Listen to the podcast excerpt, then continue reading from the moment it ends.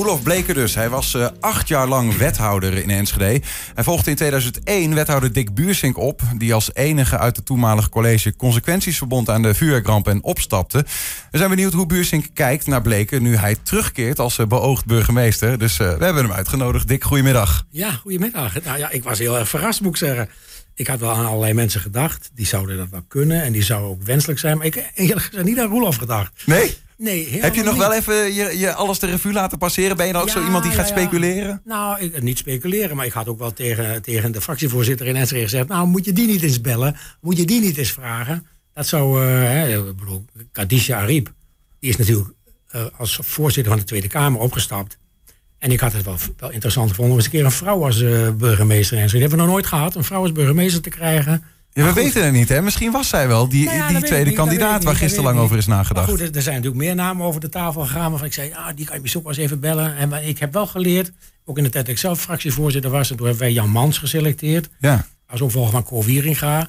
Dat, in dat systeem moet je wel, als fractievoorzitter van een partij die iets wil... moet je wel zelf actief worden. Dus je moet je, je Kamerleden... En er is over, elke kamer, Kamerfractie heeft een lobbyist voor burgemeesters. Je moet al die lobbyist van je eigen partij benaderen. Zeggen wie staan er allemaal bij jou in het bakkie als eh, geïnteresseerd in het burgemeesterschap. Mhm. Daar zit er dan iemand bij die je nou, vindt passen. Dan moet je die wel even actief benaderen. Maar is dat overigens, want eh, eh, ehm, ehm, ik moet even zijn naam, Roelof Bleker, dat moet er even inslijpen. Ja, ja, ja. Is, eh, want hij is, was PvdA-lid, nu is hij partijloos. Maar is dat dan ook ja, belangrijk voor een PvdA-man zoals u, van, dat er een PvdA-burgemeester komt?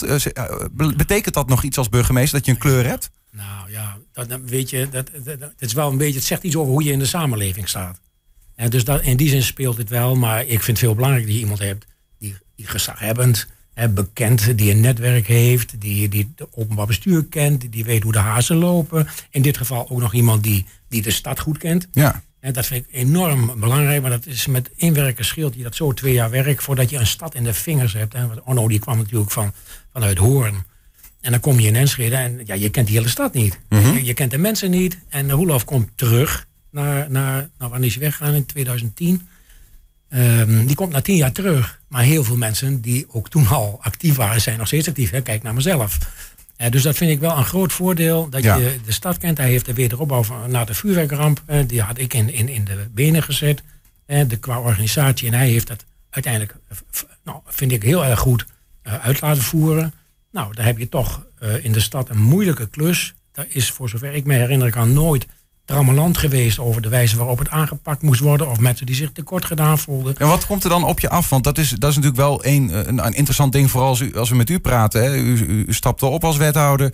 Hij kwam ehm, en, nam nou ja, uw plek in. Ik weet niet, 2001. op, nou, hij is wethouder van een college wat nou ja, zeg maar, eh, met een stad moet dealen die een grote wond heeft eh, gehad net. Wat komt er dan op je bordje te liggen? Wat heeft hij dan te verteren gehad in die tijd? Ja, weet je, ehm, de, de organisatie stond. Wie de Bruin was benoemd. In hoofdlijnen was duidelijk dat we de stedenbouwkundige structuur van dit gebied, hè, zeg maar langs de Tollestraat en alles wat er omheen ligt. Zou u de microfoon heel iets dichter bij uw mond dat we die, kunnen ste- trekken? die stedenbouwkundige structuur zouden we in stand houden. Hè. Daar hadden we ook advies over gevraagd. Dus in wezen de organisatie eh, van de mensen die de wederopbouw moesten begeleiden stond. Ehm, en dan sta je dus op het moment dat je moet organiseren dat dat wat je bedacht hebt als eh, structuur, dat het ook uitgevoerd wordt. Dus dan moeten partijen aangezocht worden die dingen gaan realiseren. En dan moet je dan ook zo doen dat je als stad er niet failliet aan gaat en dat je niet veel te veel geld betaalt of dat je er zelfs eh, winst mee maakt. Eh er moet geld van de overheid, eh, van de landelijke overheid en soms van de provincie bij komen. Dus het is echt, hij stapte als het ware in een rijdende trein. En waarvan de route duidelijk was. Alleen hij wist niet op welke stations hij allemaal moest stoppen. Ja, ja. En dat moet je dan, ja, dat, je begint. En van de een op de andere dag ben jij eindverantwoordelijk. En dan is het een kwestie van slim, eh, van slimheid of, of intelligentie.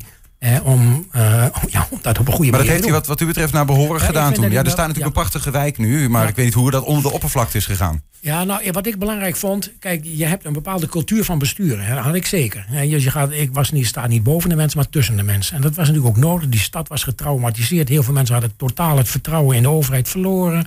Eh, waren wantrouwend, waren getraumatiseerd. eh, dus al lastig. Nou, dan, dan ga je weg. Hè, en ik vind nog steeds terecht dat ik opgestapt ben na die, na, nadat het rapport van Oosting eh verscheen. Maar iemand moet zichtbaar maken dat de overheid verantwoordelijk is. Ehm, dus dat heb ik gedaan. En dan komt er een opvolger En die moet dan, dat vind ik dan wel fijn, dat hij in een cultuur, dat hij een cultuur organiseert eh, in omgang met mensen, waarbij je op dezelfde manier en dat werk voortzet. Kijk, Mhm. als er nou iemand is die heel afstandelijk is en, eh en niets Hij was ook zo iemand die hij tussen de mensen hij- stond. Hij, was net als ik, iemand die makkelijk, eh, de contactueel makkelijk is, met iedereen eh, het, het gesprek kan voeren. Geen afstandelijke wethouder ach, verborgen achter een stapel secretaresses en, en voorlichters. Nee, zelf erop af, zelf hier aanspreekbaar in de stad zijn. Nou, dat, dat heeft hij, vind ik, goed gedaan. Iets Ja. anders dan ik. Maar eh, nee, ik ben, ik ben heel erg blij dat Roelof weer terugkomt naar Enschede. Ja, want ik, eh, dat is ook, neem ik aan, een, een belangrijke eigenschap voor een burgemeester. Hè? Dus, Absoluut. maar als ik op de man afvraag, is hij een geschikte burgemeester voor Enschede? Ja, ja, ik vind Roelof een zeer geschikte burgemeester. En ik zeg dat echt omdat ik het ook meen hoor. Eh, kijk, als jij in Enschede tien jaar wethouder geweest bent, of acht jaar wethouder bent geweest, vanaf 2001 tot eh, 2009, eind 2009, ehm, en je hebt de wederopbouw van, van zo'n getraumatiseerde wijk als hier eh, vormgegeven, en je hebt dat gedaan zonder dat er eigenlijk trammeland is ontstaan, of, of een vertrouwensbreuk is ontstaan, nou dan heb je aangegeven dat je een goede bestuurder bent Ja. die tussen de mensen en met de mensen in staat is om, om een ambitie eh, vorm te geven. Ambities waren hoog. Hè, en nou, ik vind als we hier rondlopen, ehm, dat, dat de Roombeek is natuurlijk voor Enschede, even afgezien van die ongelooflijke klote vuurwerkrampen, maar wat eruit voortgekomen is, heeft de stad eh, echt, nou ja, op de kaart gezet. Hè. Dat Ja. Met veel ambitie gedaan. Hoge eisen aan de kwaliteit van, van stedenbouw. Hoge eisen aan de architectuur die hier eh, georganiseerd is. Ik vind dat... dat Ja, ja. ja, dat- Nou, hij noemde zelf in het interview net ook al eh, een andere uitdaging die op je bord komt te liggen als burgemeester is het portefeuille veiligheid. Enschede heeft daarin een aantal uitdagingen, drugscriminaliteit, eh, nou ja, we noemen uh, Meerte van der Houwen werd genoemd, seksuele intimidatie. Is hij ook iemand die, die daarin, nou ja, kan doorpakken, soms met de vuist kan slaan als het nodig is? Ik denk, ik denk dat hij nog meer dan onze vorige burgemeester risico durft te nemen en inderdaad doorpakt. Kijk, dat, eh, ik, besturen is ook ehm, doorpakken. En nou, ja, jij zegt het al, eh, risico's nemen die ook wel eens een keer terug kunnen slaan op jezelf, hè, omdat het toch niet het effect krijgt wat je beoogt. Mhm. En maar in zijn algemeenheid, een van de essentiële voorwaarden voor een burgemeester is dat hij op het goede moment zegt, en nou is het genoeg geweest. Ja. Ik, pak, ik pak dit op en ik pak dit aan en het moet afgelopen zijn. Kijk, en, en dat zie ik in het openbaar bestuur tegenwoordig veel te weinig. Er zijn veel te veel bestuurders die maar mee, ja, een beetje meebewegen met de heersende wind. En zonder dat er, ehm, zonder dat er ingegrepen wordt. Daar hebben we natuurlijk in dit land veel voorbeelden van. Hè. Die, hele, die hele toeslagenaffaire, dat had natuurlijk nooit, nooit zo gemogen. Maar goed, Eh, Hoe goed kent u hem eigenlijk? Want u praat u nu al best wel een, een tijd, nou ja, alsof u hem best wel goed kent. Eh, Ja, hij heeft, weet je, hij heeft in de eerste vier jaar dat ik wethouder was, was hij gemeenteraadslid. Ehm, dus daar heb je, ja, qua heb je al veel met elkaar te maken. In Ja. de tweede periode was hij fractievoorzitter. Heb je nog meer met elkaar te maken. En wij hebben op zijn kinderen, op zijn, toen hij eh, een jong gezin had en zij allebei werkten, heeft mijn, mijn vrouw wel eens op hun, klein, op hun kinderen gepast. ja, Ehm, dus ja, wij kennen elkaar goed. ja. En alleen ja, in de afgelopen tien jaar, ik ben hem nog één keer tegengekomen op het Van Eekplein al een paar jaar geleden. En ik heb dus nu geen contact met hem. Maar Oké, er is ook niet eh, in de afgelopen ik- maanden stiekem wel eens contact nee, geweest nee, van nee, Dick, eh, hoe moet ik dit nou, dit nou brengen zodat ze mij daar aannemen? Nee, nee, nee, nee. Maar in de afgelopen eh, 24 uur dan heeft u contact met hem gehad? Ik heb vanmorgen een, een, een WhatsApp-bericht aan hem gestuurd. Ja. Gefeliciteerd. Hartstikke Ja, fijn ja, dat je terugkomt. Ja, ja. En hij reageerde een paar uur later. Ja, ik verheug me erop. Veugt u zich er ook op, zeg maar? Ik verheug me er echt op.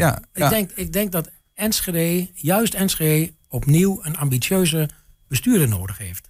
En wij, wij, wij- ja, maar goed, dat is wel ook gelijk kritiek aan, aan de mensen die er nu zitten en die het gedaan hebben. Ik vind de afgelopen jaren is er in Enschede te weinig ambitie geweest. Er, is, er, er worden geen uitdagingen eh, voor, klaargezet, niet voor zichzelf, maar ook niet voor anderen. Is het een Eh, beetje op de winkel passen te veel? ja, ik vind het nou, de afgelopen vijf, zes, Ja. zeven jaar eh, wordt er te veel op de winkel gepast. Er gebeurt wel wat. Maar eigenlijk echt zeggen wij gaan deze stad opstoten in de vaart der volkeren. En zoals wij dat wel deden in de 80 en 90 jaren. Grote projecten in de binnenstad. Hè, die, die, die garage daar onder het Van Eekplein. De komst van de Bijenkorf en het casino. Weet je, dat waren majeure projecten. Dit, is- dat zijn dingen die we die we van deze burgemeester kunnen Nee, verwachten ja, van dat, dat- soort creatieve... Ja, ik, denk, ik denk dat Roelof in staat is om nieuwe ambities te formuleren voor de stad. En om de raad en het college op sleeptouw te nemen om dat ook te realiseren. maar goed, als u dat zo zegt, dan denk ik ook aan bijvoorbeeld plannen als Centrum Kwadraat in Enschede. Waar ook wel eens kritiek op is van ja, dat soort uh, majestueuze plannen. We moeten gewoon voor die uh, sociale woningen moeten we gaan bouwen. En uh, voor die, dat is, nou ja, dat, en dat, zijn, dat is uw achterban bij wijze van. Ja, ja, maar dat ben ik helemaal eens. Ik vind ook, dat, ik zie nu de kop van de boulevard. Hè, dat, dat prachtige project daar bij het politiebureau. En hoe daar ondertussen dat uitgekleed wordt als het gaat om sociale woningbouw. Ja. Er staat oorspronkelijk was 50% zou sociale woningbouw moeten zijn, zei de gemeente, zei de gemeenteraad. En ondertussen uit mijn hoofd zijn we afgezakt naar 20% mm sociale woningbouw. Want jij denkt, ja, dan laat je dus je ambitie los omdat een belegger of een ontwikkelaar uh, zegt: ja, nee, maar dat kan allemaal niet, want dat kost te veel geld en dat, is, dat levert niet genoeg. Nee, maar goed, het lijkt elkaar dus. Want zegt van ja, eh, we moeten weer van die. Je moet eigenlijk grootste plannen, grotere verdromen. Maar dat lijkt soms een beetje te botsen met die opgave om ja. de Enschede met de smalle beurs te helpen. Ja. Nee, maar je helpt de Enschede met de smalle beurs ook als jij deze stad weet, weet op te stoten hè, als een stad de place to be, zou ik maar zeggen. Ja als bedrijven zich hier willen vestigen, als winkels hier willen zitten, als instituten, instanties hier willen zitten, dan organiseer je dus een dynamiek in de stad waar ook de mensen die, die niet zo zoveel kansen in het leven gehad hebben, die niet zo hoog opgeleid zijn, die niet een enorm hoog inkomen, die ook mee profiteren van die dingen. Ja, En, en Roelof zal daar zeker ook voor hebben.